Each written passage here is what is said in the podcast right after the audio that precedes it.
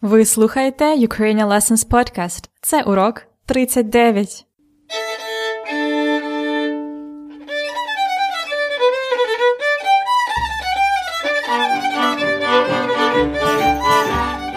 Добрий день! Це Анна і подкаст Ukrainian Lessons or Уроки української. Did you know how to translate Ukrainian lessons to Ukrainian? The word order will be different. Уроки lessons української of Ukrainian. Уроки української. So, let's start новий урок української. Today, you will listen to the last interview from the series of my conversations with Ukrainians. You will practice your listening skills, challenge yourself with some questions, and probably learn new words. Тому, so, почнімо. Let's start. In the previous episodes with the interviews we had Богдана, її сестра Даша і їхній тато Олександр. Now you could guess who might be coming next. Someone else from their family, and it's a жінка, woman. And as always, before listening, I give you три питання. Three questions to answer based on the dialogue you will hear. 1. У якій країні народилась Наталя? Now you should know very well країна, country і народитися, to be born. У якій країні народилась Наталя? Питання 2. У неї є брати чи сестри? Легке питання, easy question. І яка улюблена країна Наталі? Улюблена країна Наталі. Добре? Ще раз. У якій країні народилась Наталя? У неї є брати чи сестри? І яка улюблена країна Наталі? Слухайте інтерв'ю. Добрий вечір. Добрий вечір. Як справи? Дуже добре. Чудово. А, як вас звати? Мене звати Наталя. А де ви живете? Я живу в Києві. А де ви народилися? Я народилась в місті Челябинськ. Ого. Радянський Союз, тепер Росія. Угу. Так. А ви давно живете в Україні? Так. З двох років я живу в Україні. Угу. Добре. А скажіть, будь ласка, ви працюєте зараз? Так, я працюю в Академії наук України старшим науковим співробітником. Ого, це серйозно. Скажіть, е, будь ласка, у вас є брати чи сестри? Так, у мене є молодша сестра. На 5 років молодша за мене. Як її звати? Її звати Тетяна. Вона живе в Києві? Е, Вона живе під Києвом, місто Бортничі. Угу. А у вас є діти? Так, в мене дві доньки. Ви заміжні? Так, я заміжня. Добре. Скажіть, будь ласка, що ви любите робити у вільний час? Гуляти. Багато ходити пішки по місту, по лісі, по парку, по горах. Це чудове хобі. А ви любите подорожувати? Так, люблю подорожувати. Звичайно. Яка ваша улюблена країна? Україна. А за кордоном? За кордоном мені сподобався Люксембург. Ага. А у вас є улюблене місто чи село в Україні? Так, е, це місто Славута Хмельницької області. Чому вам подобається Славута?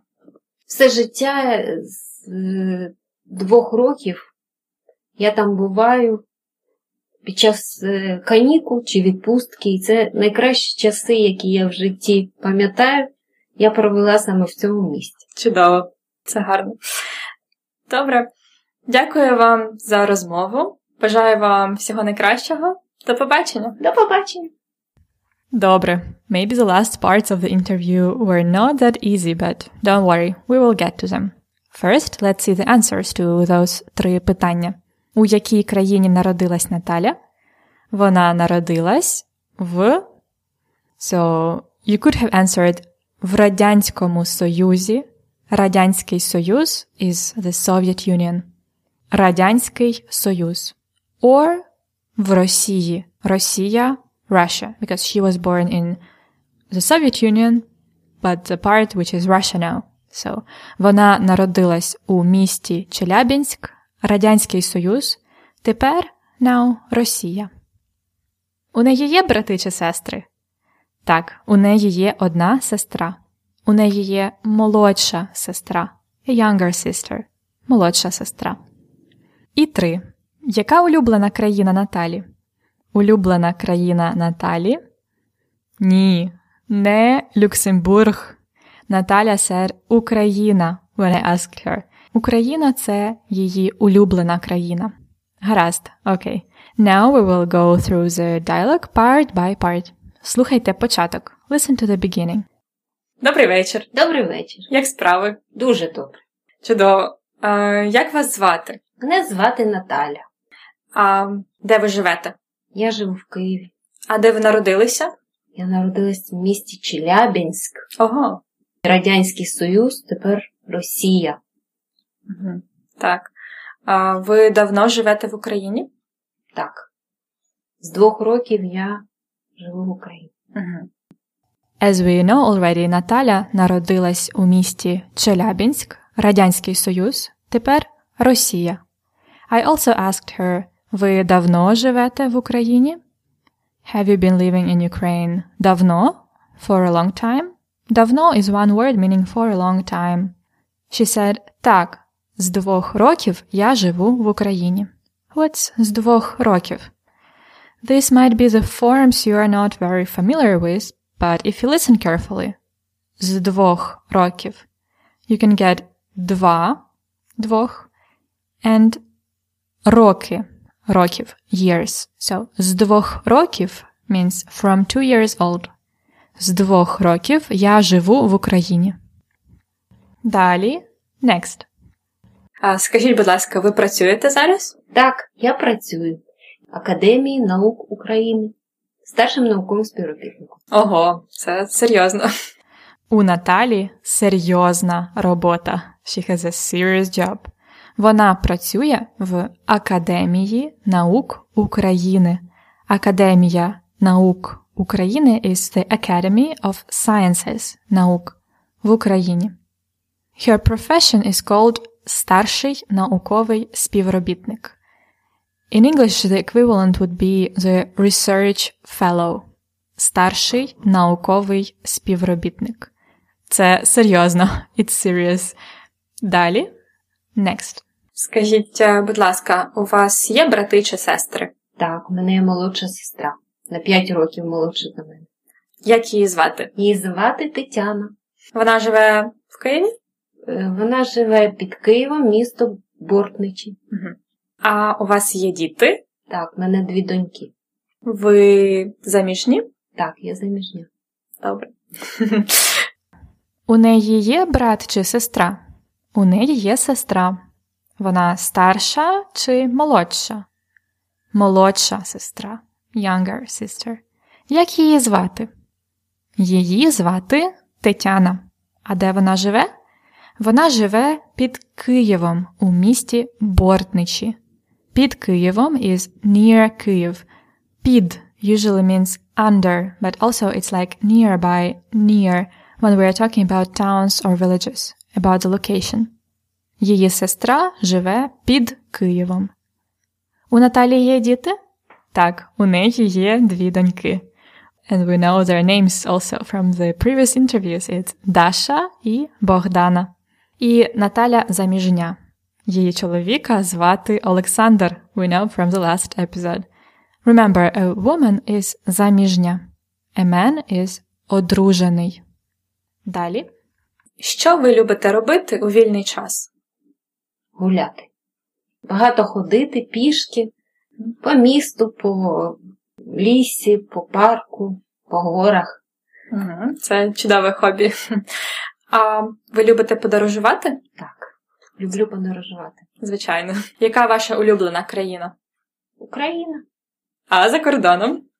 За кордоном мені сподобався Люксембург. Ага. Наталя любить гуляти, багато ходити пішки.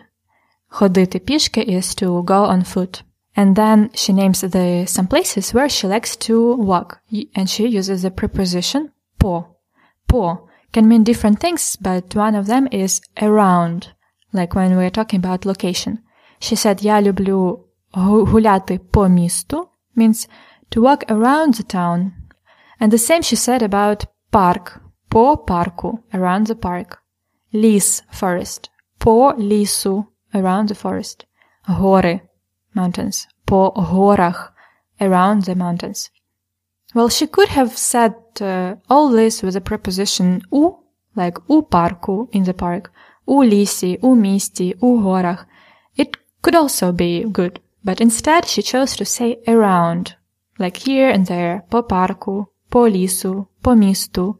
You see, and in this case, the noun finishes with у, because it is the genitive case. Добре. Далі. А у вас є улюблене місто чи село в Україні? Так, е, це місто Славута Хмельницької області. Чому вам подобається Славута? Все життя з е, двох років я там буваю під час е, канікул чи відпустки, і це найкращі часи, які я в житті пам'ятаю, я провела саме в цьому місті. Чудово, це гарно. Добре. Дякую вам за розмову. Бажаю вам всього найкращого. До побачення. До побачення.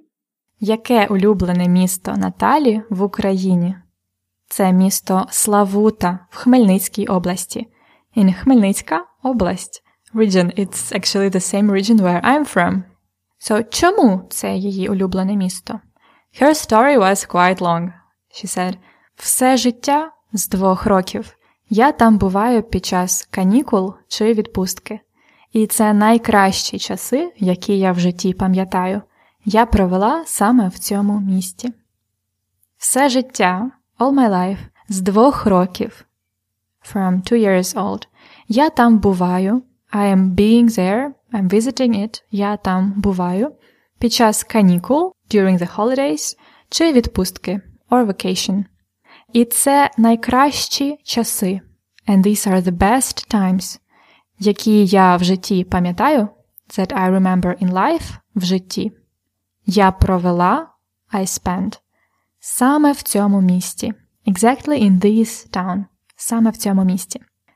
Окей, okay, one more time. Все життя з двох років. Я там буваю під час канікул, holidays чи відпустки, vacation. І це найкращі часи, the best times, які я в житті пам'ятаю, я провела саме в цьому місті. At last I wish Наталя всього найкращого. And that's the end of our last interview. Слухайте його ще раз. Добрий вечір. Добрий вечір. Як справи? Дуже добре. Чудово. А, Як вас звати? Мене звати Наталя. А де ви живете? Я живу в Києві. А де ви народилися? Я народилась в місті Челябинськ. Ого. Радянський Союз, тепер Росія. Угу. Так. А ви давно живете в Україні? Так. З двох років я живу в Україні. Угу. Добре. А Скажіть, будь ласка, ви працюєте зараз? Так, я працюю в Академії наук України, старшим науковим співробітником. Ого, це серйозно. Скажіть, е, будь ласка, у вас є брати чи сестри? Так, у мене є молодша сестра, на 5 років молодша за мене. Як її звати? Її звати Тетяна. Вона живе в Києві? Е, вона живе під Києвом, місто Бортничі. Угу. А у вас є діти? Так, в мене дві доньки. Ви заміжні? Так, я заміжня. Добре. Скажіть, будь ласка, що ви любите робити у вільний час? Гуляти. Багато ходити пішки по місту, по лісі, по парку, по горах. Це чудове хобі. А ви любите подорожувати? Так, люблю подорожувати. Звичайно. Яка ваша улюблена країна? Україна. А за кордоном? За кордоном мені сподобався Люксембург. Ага. А у вас є улюблене місто чи село в Україні? Так, е, це місто Славута Хмельницької області. Чому вам подобається Славута? Все життя з е, двох років я там буваю під час е, канікул чи відпустки, і це найкращі часи, які я в житті пам'ятаю, я провела саме в цьому місті. Чудово, це гарно. Добре. Дякую вам за розмову. Бажаю вам всього найкращого. До побачення. До побачення.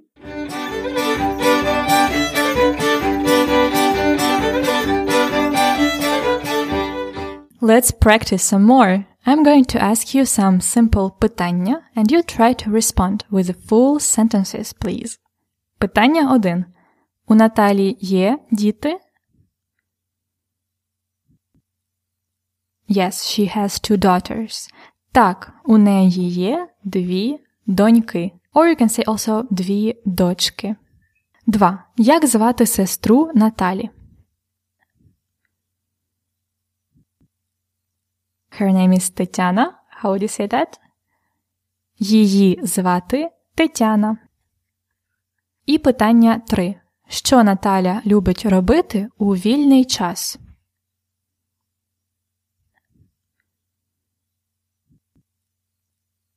Let's say it like this. She likes to walk around the city, the park, or forest. Remember around? По.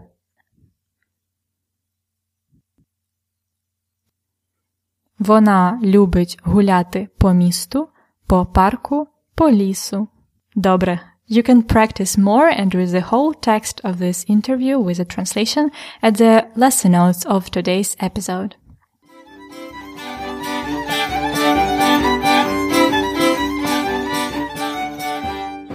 cultural fact at the Ukrainian Lessons podcast.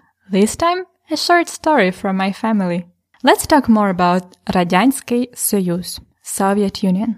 Why was Natalia born in Russia and then moved to Ukraine?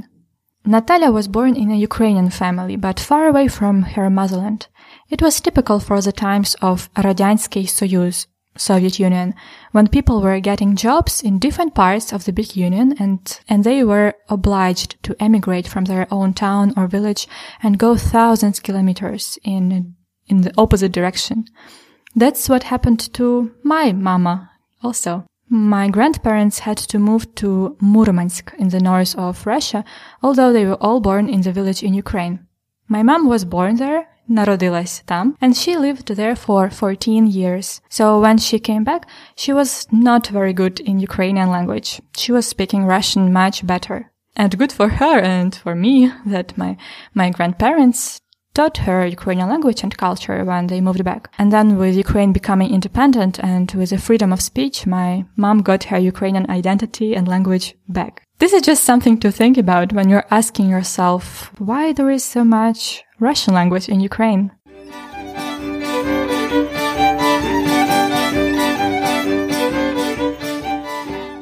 Добре, це був урок 39 подкасту Уроки української Ukrainian Lessons.